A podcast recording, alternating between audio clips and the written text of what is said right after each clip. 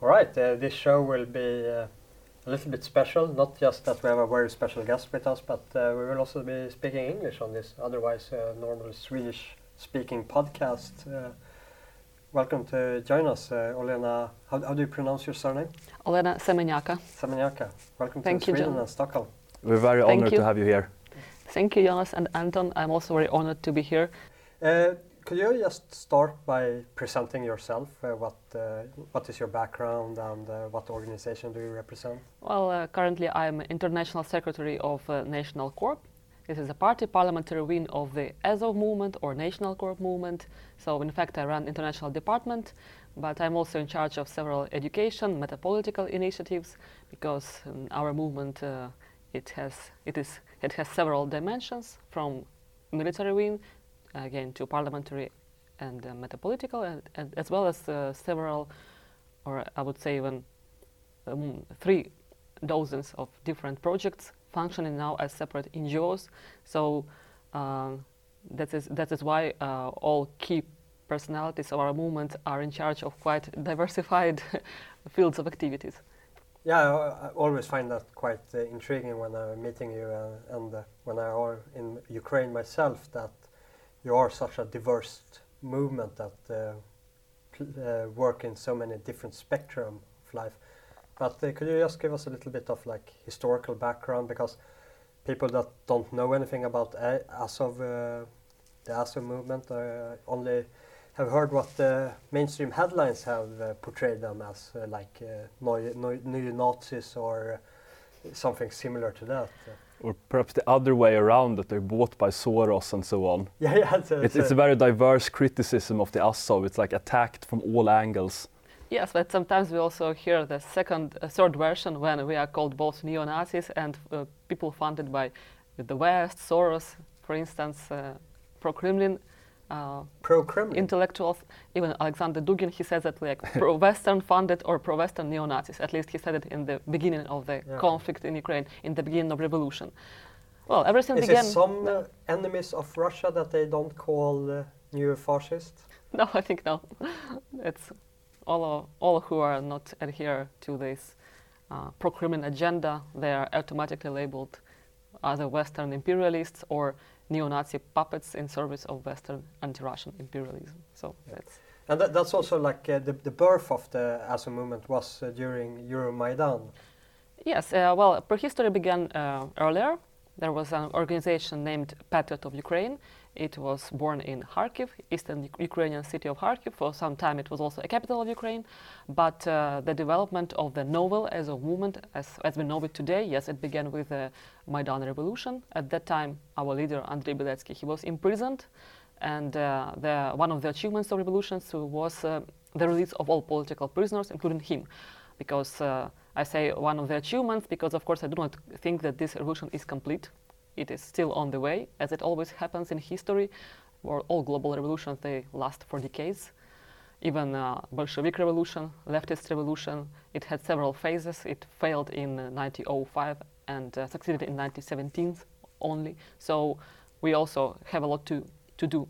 So uh, yes, it began with the Maidan revolution. Uh, activists of Patriot of Ukraine they were very active during street uh, clashes with the police. This Berkut special riot police unit, which and was uh, disbanded. why did you take part in uh, this uh, so-called re- revolution of Maidan against Well, the uh, we, we, it, it was. It can be called revolution again, just incomplete. But uh, uh, the first phase, it was the overthrow of Yanukovych regime, and uh, What, nationalists. what was the purpose of that? Nationalists joined it precisely to overthrow the regime and also to uh, take control of the political developments in Ukraine. Because if you engage in uh, global activities like this, of course you have uh, not only responsibility, but you also have power. Yeah, but the, the critics from the West, like uh, from may- maybe not the surrounding countries of Russia, but that is the overthrowing of the former president, uh, weakens Russia in the geopolitical game against a very liberal and uh, multicultural West. Well, uh, even uh, Dugin recently admitted that Yanukovych, ex-president, uh, was not an pro-Russian. He was just a puppet politician of the post-Soviet Ukraine, and post-Soviet Ukraine uh, it is called independent only formally. Like serving his own interests. Yes, his own interests and serving those who paid most. I He would was, say. yeah, he was corrupt, He was right? just Th- that's the usual criticism. It's true. And uh, he started political repressions against nationalists. Uh, for instance, Patriot of Ukraine, proto Azov movement, uh, several activists were detained, not only our leader. There was a case of so-called uh, Vasilkivsky terrorists. They were accused of plotting the explosion of Lenin's monument.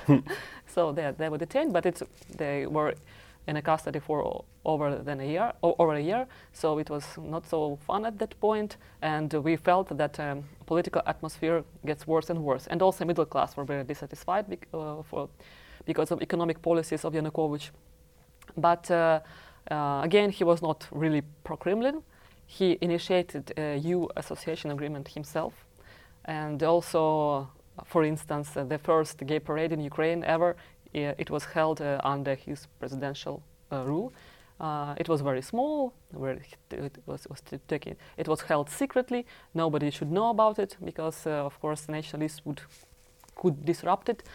So, uh, But, but, uh, it was protected by the same Berkut police, which was sometimes labeled in pro-Russian media as like saviors of uh, uh, Slavic countries from the Western decay. They protected Yeah, but, but even though uh, Yanukovych maybe not was completely pro-Russian, as uh, you said Yes. that Dugin framed him, the counter-revolution against him, where uh, you could see lots of European Union flags in uh, Euromaidan, and it was uh, an expression of will of getting away from Russian influence. Well, globally, yes, it was movement towards the West, but uh, it is not something which is uh, uh, unequivocally associated with the European Union.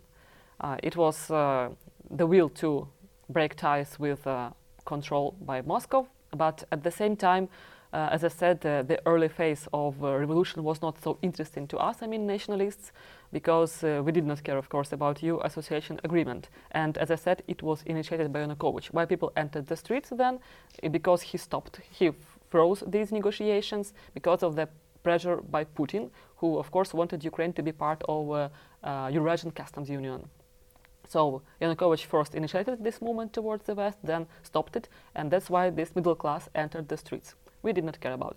Uh, then there was a period when students got severely beaten by the police. It was unnecessary violence, and at this point, we decided to join the protests. Not, of course, European Union uh, rallies, uh, Yeah, pro-European you, you, Union. You, you saw a casus belli in the. Yes, yes, yes. Be- uh, that, that, at that point, after students were beaten, uh, one million of people entered the streets, and uh, of course, they that's did not quite a lot of people.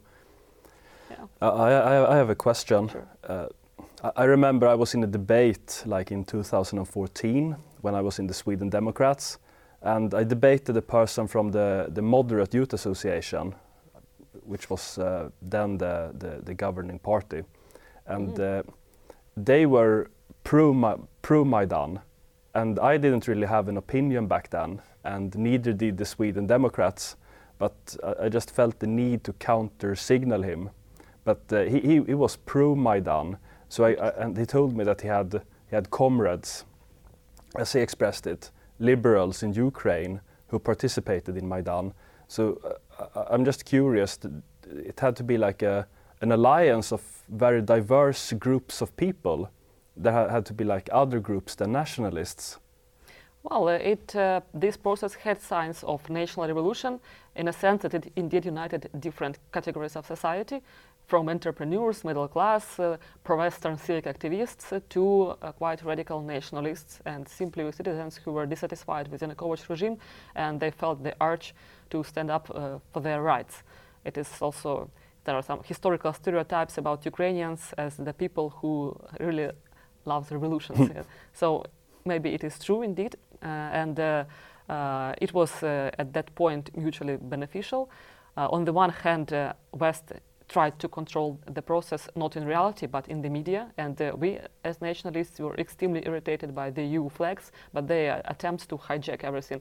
Uh, those Western politicians uh, on the uh, revolutionary scene uh, talking about uh, how they are worried about developments in Ukraine. And uh, real activists, nationalists, and those who ready, ready, to sacrifice themselves, fighting with the police. So it was like two separate worlds. We called this uh, part, pro-EU part, like disco part of Maidan, and we severely despised it. There was also liberal opposition in Ukraine, which uh, was pro-Western, uh, actively co cooperated or at least communicated with Western politicians, and um, uh, they, like Klitschko, Yatsenyuk, and also Nationalist Svoboda Party. So uh, and uh, when the radical phase of the clashes began, uh, this part, disco part of Maidan was despised not only by nationalists. Uh, they just held some speeches on stage, and uh, revolutionaries simply avoided these places. So they did not have real, real political power. But uh, if I can say that it was a little bit helpful, then only in a sense that they provided a kind of legal cover for these um, revolutionary clashes because we sized administrative buildings. It was also criticized by the West. I think Victoria Nuland or somebody else expressed their deep disturbance about such developments. And uh, at that time, we did not uh, need any pressure also from the West. So uh, those liberal oppositionists, they maybe provided a kind of uh, legal cover for us. But uh, even if uh, there was no such cover, I think uh, we would reach our goal anyway. So it was a kind of symbiosis at that point, but uh, their, but their contribution was not that important. But, but that's the thing, is like, what is your goal? Because on a global sense, in the like schemes of things, we're in a major battle of demographic where the Western world is being uh, swallowed by mass immigration, and we are starting to become a white minority in our own country. That's that's the battle that we are uh, fighting.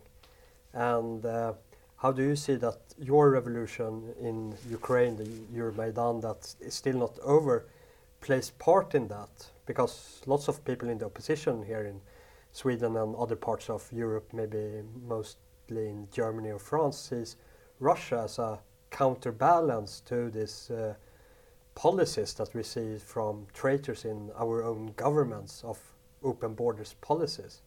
Well, it is very simple. Uh, objectively, the space of uh, Central and Eastern Europe is uh, the region where uh, ethnocultural values are objectively preserved, and they are preserved better than in Russia. Also, quite objectively, because Russia, the Russian Federation, is a multicultural state.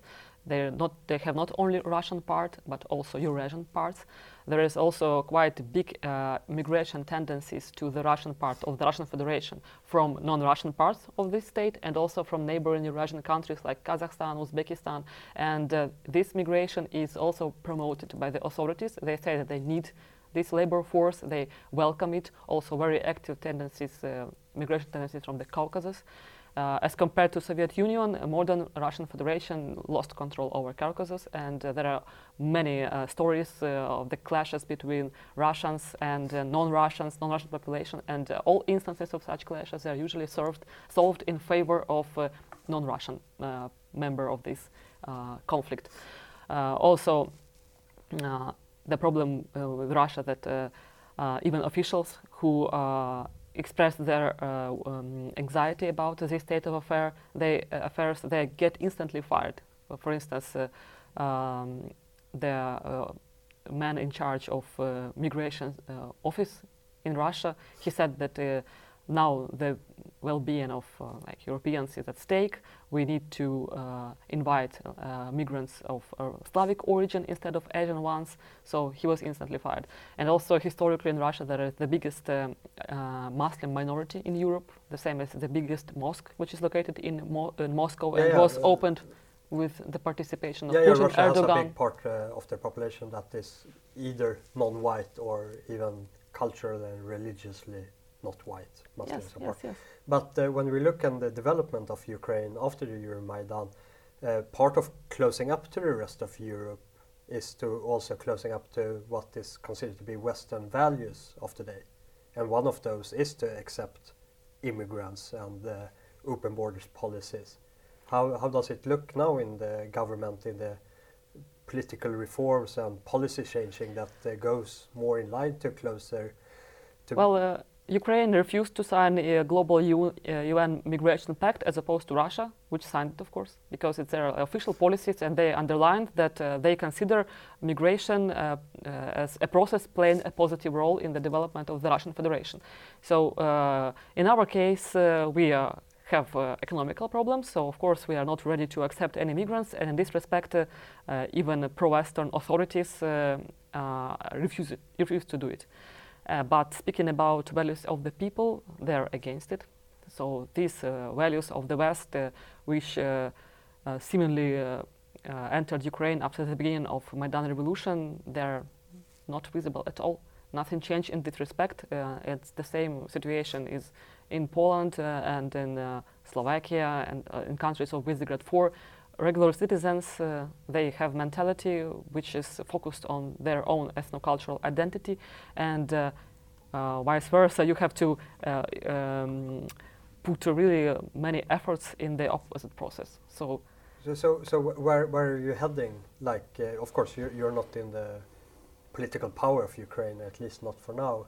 But uh, where do you see Ukraine in the future if you're not part of a Euro-Asian program where Russia is the first amongst equals, or part of the European U Union, or uh, the liberal Western in America? We have our own geopolitical program, uh, but before I switch to talking about it, I have to add that uh, European Union itself and NATO itself refused to accept Ukraine as a member state. So it's a myth that West wants like start this uh, imperialist crusading against Russia and uses uh, Ukraine as its playground. If they really wanted to do, so, to do so, they would accept Ukraine as a NATO member state. Then they would be obliged to, to defend their member state, and then they would be able to start an open war on, with Russia. But they don't want it, they avoid it, and they engage in clashes only in Syria. So uh, it is not possible, even formally, for us to become EU member state and uh, to receive one of these uh, refugee uh, distribution quotas, yes? And speaking about our own geopolitical program, we advocate uh, the Union of Central and Eastern European countries. We call it Intermarium or Adriatic Baltic Black Sea Union, but not as an end goal, but uh, as a platform for the alternative of the EU, European integration. So we also think globally. For us, it's not only about Ukrainian well-being, about uh, uh, the increase of Ukrainian economy and demography, or uh, winning war with Russia, and so on and so forth we uh, understand that everything is connected. And uh, that's why we know that uh, we will be able to solve these problems once and for all if we join forces with like-minded forces of the region and Europe and beyond. And again, speaking about things connected with each other on a global scale, uh, the only thing we can do, that's what I was talking yesterday at the forum, the forum, is to shape the alternative world order. Otherwise, uh, the superpowers will uh, continue exercising again their power over our countries and uh, like yeah you, you, see a future that is either east or west uh, a third way with uh, in yes. this uh, intermarium exactly exactly. This is the intuition of the classical uh, european third geopolitical way uh, which is opposed to this east-west dichotomy which is really harmful for europe. We need to reorient towards this traditional european mythological north-south axis and it's also an intuition of uh, uh, adherents of archaeofuturism. Mm, uh, so and uh, the other countries in these regions is uh, it's uh, Poland, Hungary, Slovakia. yes, but it's more. we for us this formal membership of the union is not so important. Geographically, for instance, we include also the Balkan region, but politically, it is easy to cooperate with Croatia but uh, how, how, is, how is these ideas being received in the, these countries? Because most of these countries are already tied up in other uh, unilateral agreements or uh, even multilateral within the European Union. Yes. Well, in some countries it is quite popular. For instance, in Poland, because newly elected at that time president of Poland, Andrzej Duda, he revived this uh, idea of Adriatic-Baltic Black Sea partnership because they also have their own theorists of intermarium, well-known uh, Marshal Joseph Pilsudski of the former century, who advocated this idea. And uh, we have in Ukraine our own theorists of intermarium, again, the former century, Yuri Lipa, uh, the author of the Black Sea Doctrine, who was assassinated by the NKVD agent. And uh, Latvians also have their uh, theorist of intermarium, General Pēteris Radziņš, a very interesting personality because he also served in the army headquarters of uh, Ukrainian last hetman Pavlo Skoropadsky and then uh, in the army of Ukrainian uh, People's Republic. So he was both Latvian and Ukrainian patriot, and he said that Ukraine plays a key role in the defense of the region. At that time, he was worried both about uh, influence of the Russia, Russian Empire, and Soviet Union, and uh, Germany. The same as Pilsudski, he was worried both about Germany and Russia, and especially Russia, of course. Ukraine in the First World War was an ally of uh, Germany, so we were not so worried about this. But uh, we also had very similar intuitions, and today they are also revived by the regions, uh, region countries' leaders. Uh, Croatian President Kolinda Grabar-Kitarović supported this idea, in, and in 2016 they uh, re re rebranded the Adriatic Baltic Black Sea Group, comprised of 12 EU member states, indeed, only EU member states. Uh, they transformed it into the Three Seas Initiative. And when uh, Donald Trump uh, visited the summit of Three Seas Initiative in 2017, I think, or uh, uh, yes, he provided his full support, political, to this initiative uh, and uh, when uh, right when French President Emmanuel Macron wanted to impose sanctions on Poland for its refusal to accept these migrant quotas, Trump attended the summit of Three Seas Initiative and said, "I support Poland. They defend the values of Western civilization, and he promised his financial support to it. So for the first time, it received some material background behind this uh, initiative. But yes, Ukraine is a non-aligned country, so we cannot be part of it. And uh, to be honest, uh, Three Seas initiative, just like Visegrad 4, it's not independent or alternative of the EU Union. It's just a kind of autonomy within the European Union. Formally, they say that they uh, aim at deeper integration yeah. with the structure. At, at, least, like from an outside perspective, uh, yeah. you, you can see that the countries in that uh, spectrum between the two seas, that they are very culturally and politically aligned when it comes to these conservative values and the policy of non-mass immigration. So I believe that you at least have some real realpolitik that you can work from to deepen uh, cooperation that maybe goes further down in history as well. Yes, it's true. It's true. We already, National Corps held uh, three intermarium international conferences and uh, uh, they took, uh, they were held with the participation of governmental structures of the region uh, in the defense field, first of all, because uh, all these countries, they not, not only have some shared cultural values with us, in spite of historical conflicts, which all European nations have, right? So it, apart from shared cultural values, they, we also have shared threats. So they understand us very well, uh, as opposed to Western Europe, for instance, which is quite far from the Russian Federation, and they uh, do not feel this pressure of Russian hybrid uh, warfare.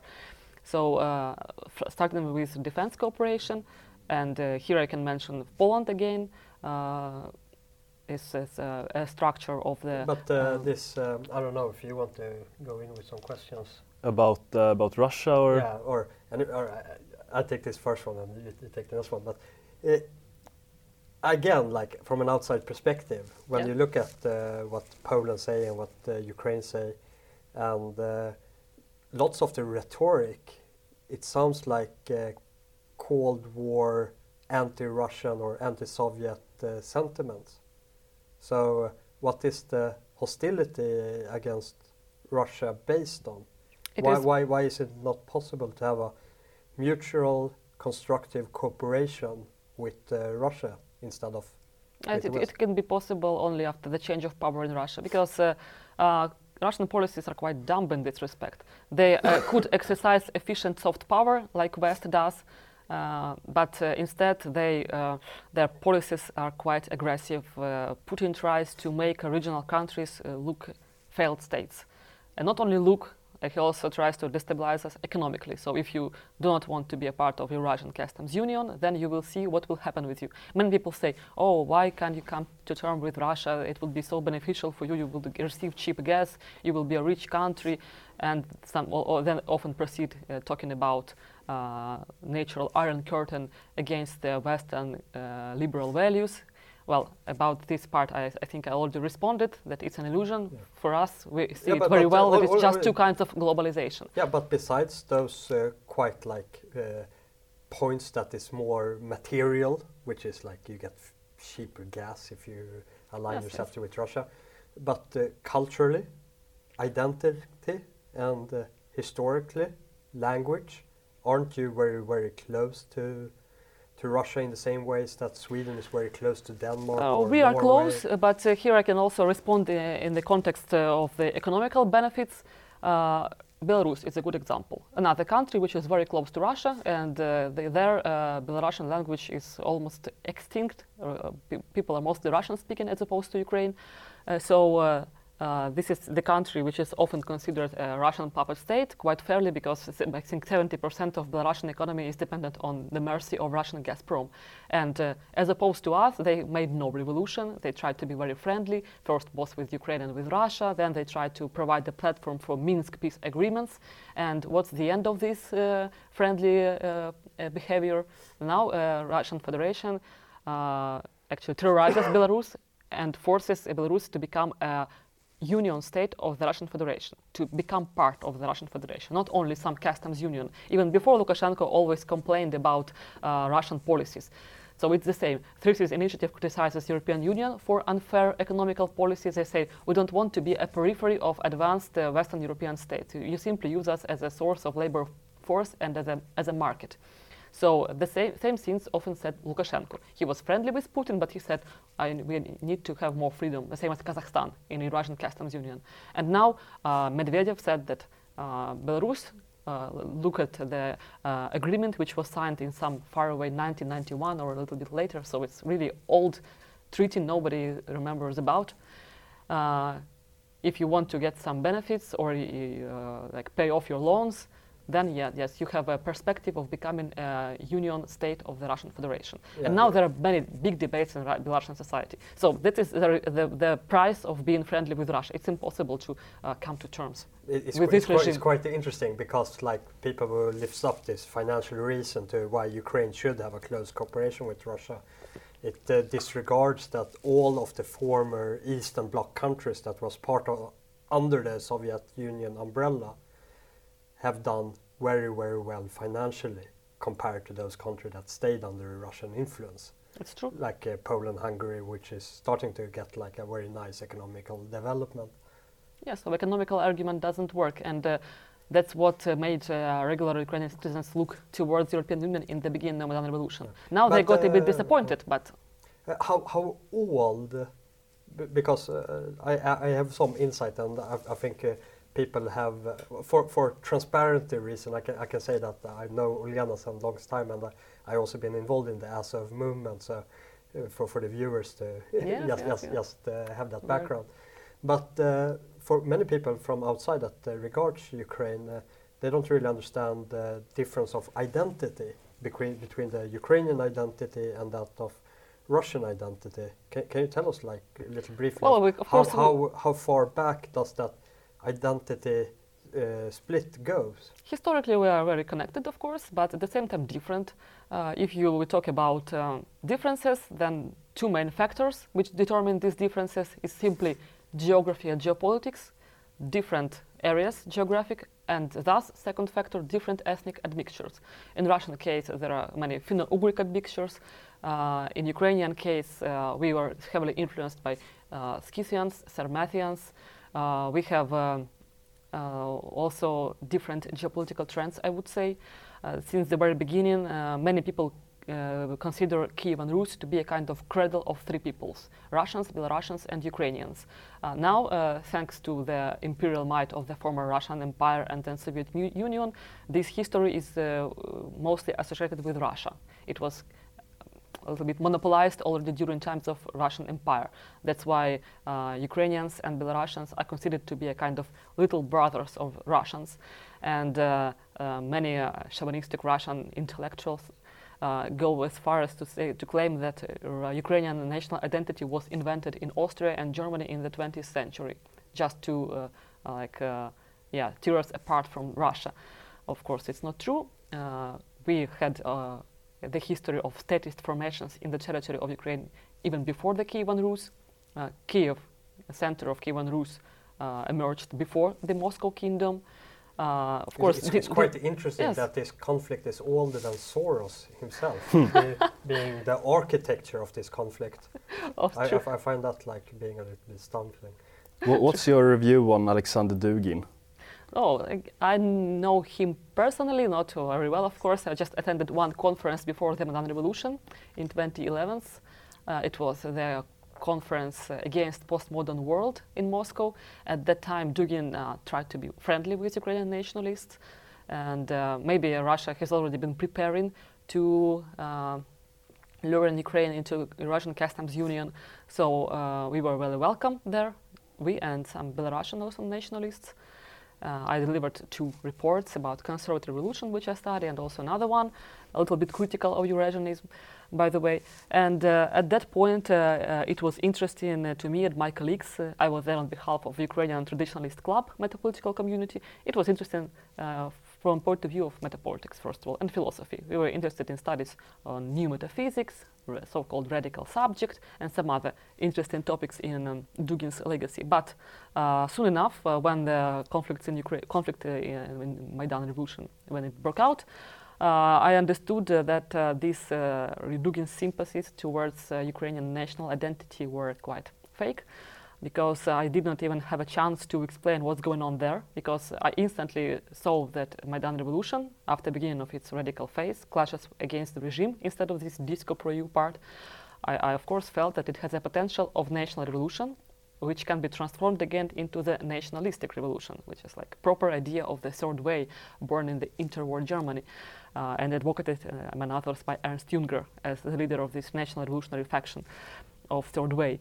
So uh, I tried to explain it. I said that uh, the idea of intermarium has always been very popular among Ukrainian nationalists since 90s and actually since the former century.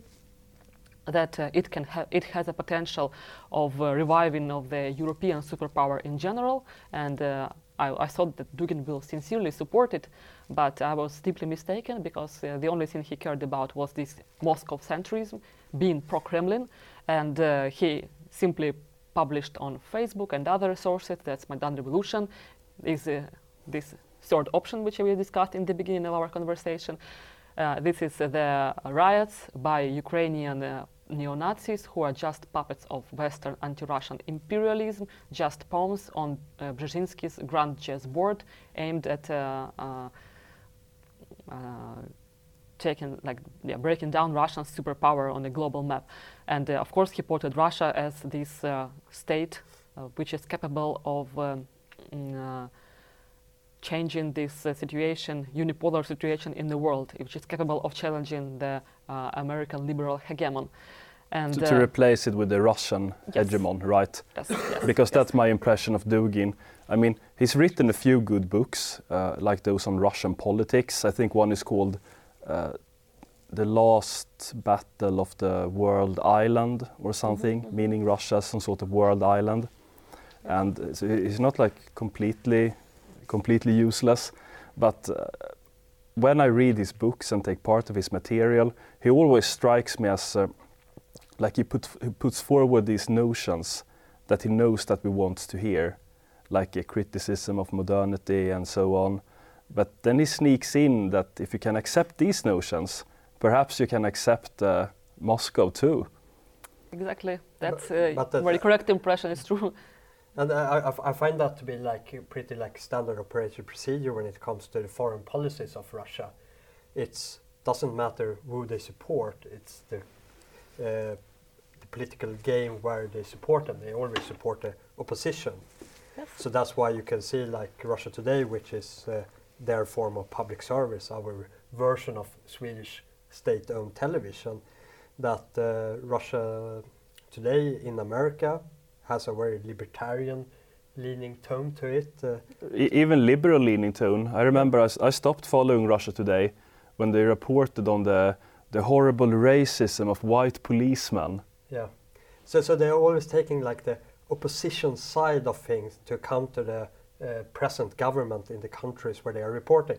And the same goes when Russia Today is uh, reporting from uh, Sweden. Then uh, it's the only like media outlet that actually take some actors in consideration that the mainstream in Sweden otherwise wouldn't talk to, which is the field that we are actually in So that makes lots of people in the Swedish nationalist movement to regard Russia today like, oh, this is a news outlet that actually is portraying the truth about mass immigration as it is, because our media doesn't cover it, but Russia Today covers it.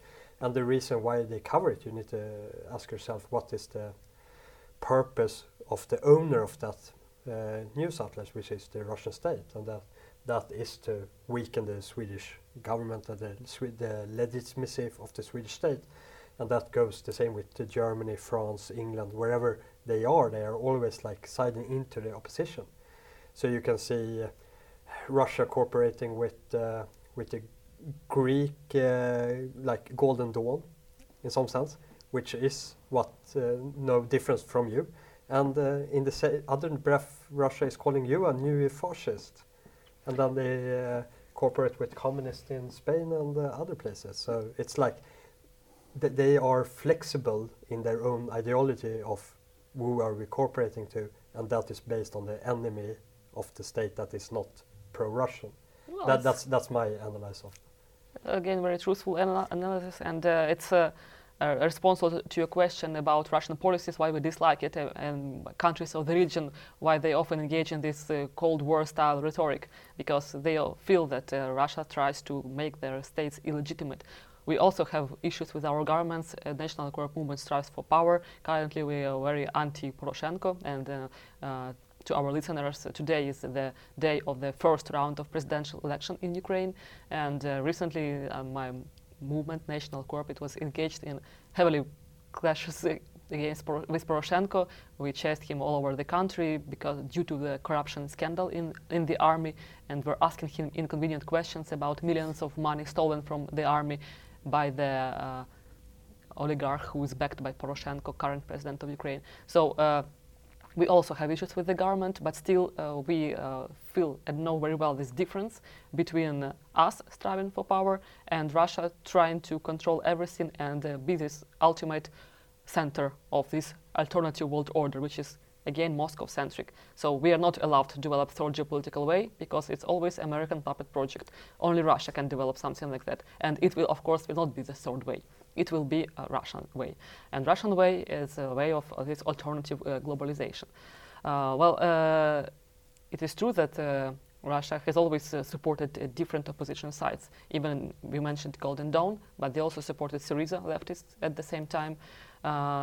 the same strategy was advocated even by Fyodor Dostoevsky. He's a great Russian writer, but he was also had some important political intuitions related also to the third way he described himself as a conservative, as a revolutionary out of conservatism. So it's a it's idea, intuition of the third way, but in fact he was uh, a social conservative in the end, uh, because uh, he, uh, of course, supported Russian identity, simple people, Tsar, Russia as a third Rome, uh, and, and, so on and so forth. But in his diaries, there are important paragraphs in, in which he says that if he would choose uh, whom to support uh, among the Europeans, uh, aristocrats, conservatives who want to restore European order, or leftists. He said, I would choose leftists. They're closer to us than those like conservatives who want to restore this like, European might and uh, who are far from this identity of simple people who are a basis of holy Rus, holy Russia. So this is something which has uh, really deep roots uh, in the context of Russian uh, Slavophiles, uh, their, their thought and Russian search for the third way, which unfortunately has never reached its goal. There were interesting discussions between the sympathizers of the West uh, and Slavophiles in Russia, but uh, it always ends in some kind of hybrid synthesis of traditional uh, influences and um, will to change something and I think uh, Dugin is one of the brightest examples of this, on the one hand, very natural aspiration, but on the other hand, very tragical. He has the conception of archaeo-modern, which is quite successful. It's a, it's a concept to describe the situation of post-Soviet countries who effectively combine Western influences, liberal modern influences, postmodern, with some remnants of uh, archaic uh, society. And he himself is also an example of such theorist who eclectically combines things. Well, on the one hand, it is understandable because Russia has always considered him, itself a separate civilization.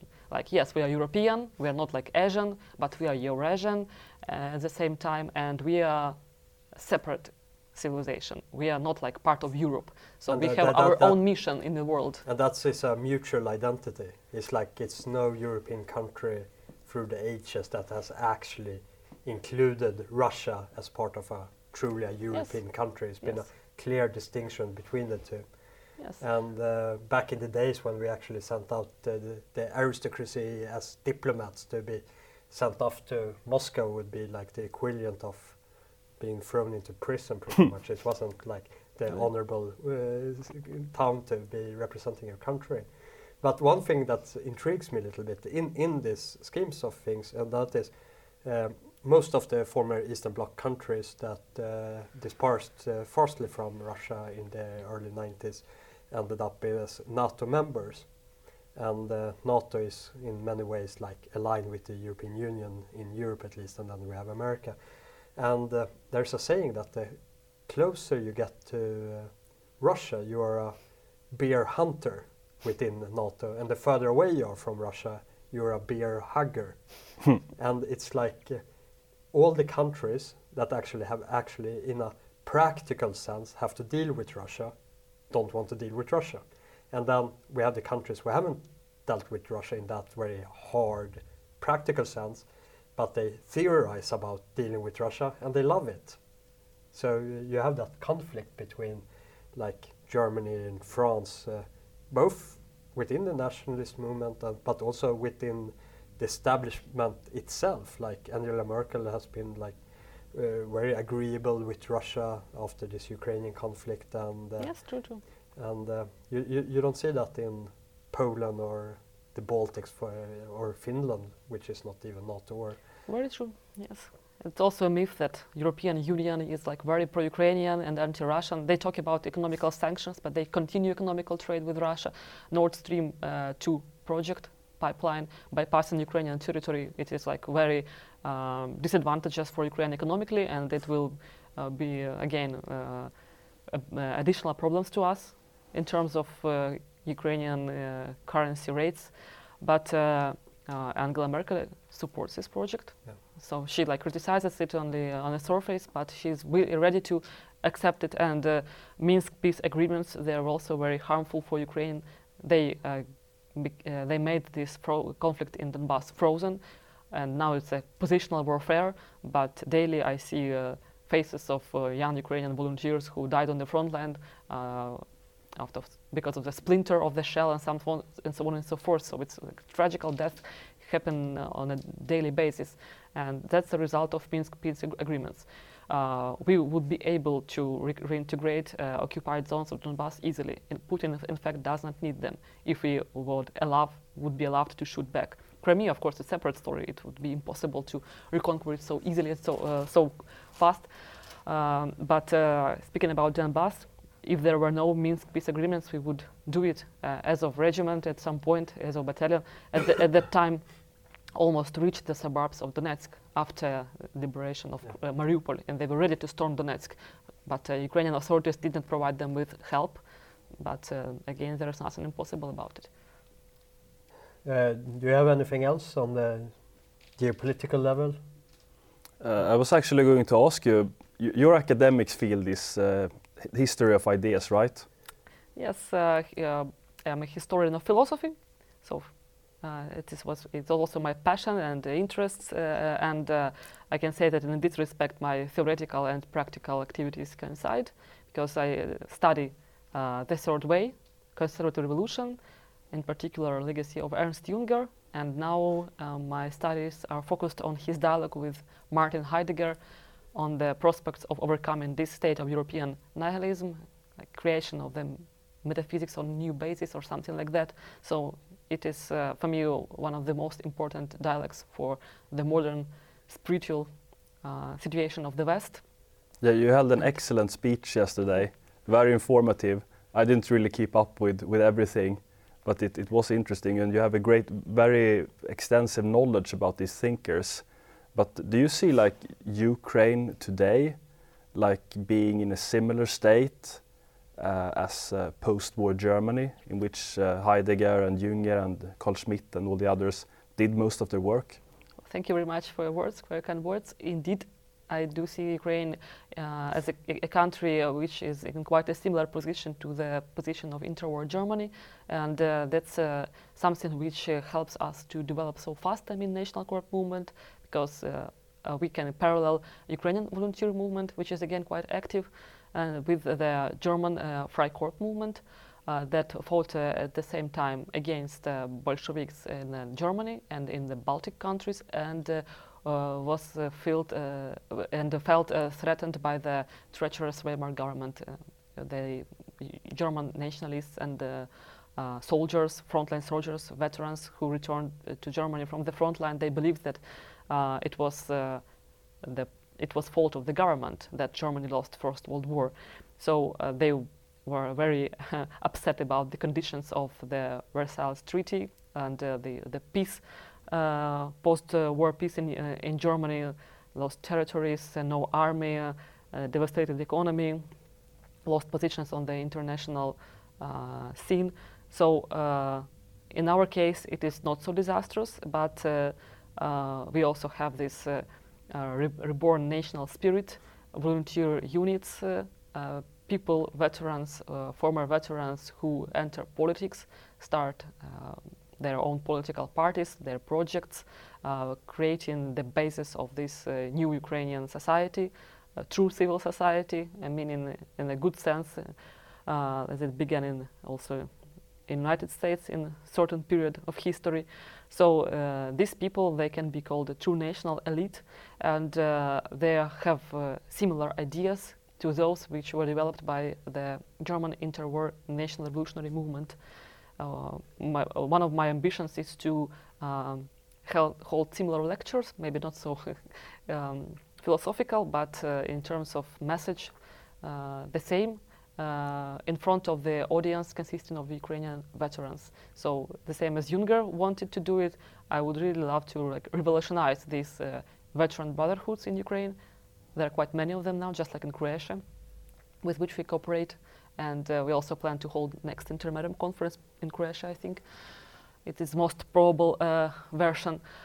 So uh, yes, there are many similarities, and we also uh, feel that such global changes, the continuation of history in eastern Ukraine, the national revolution, which was this period is long gone in Western Europe, at least as it seems.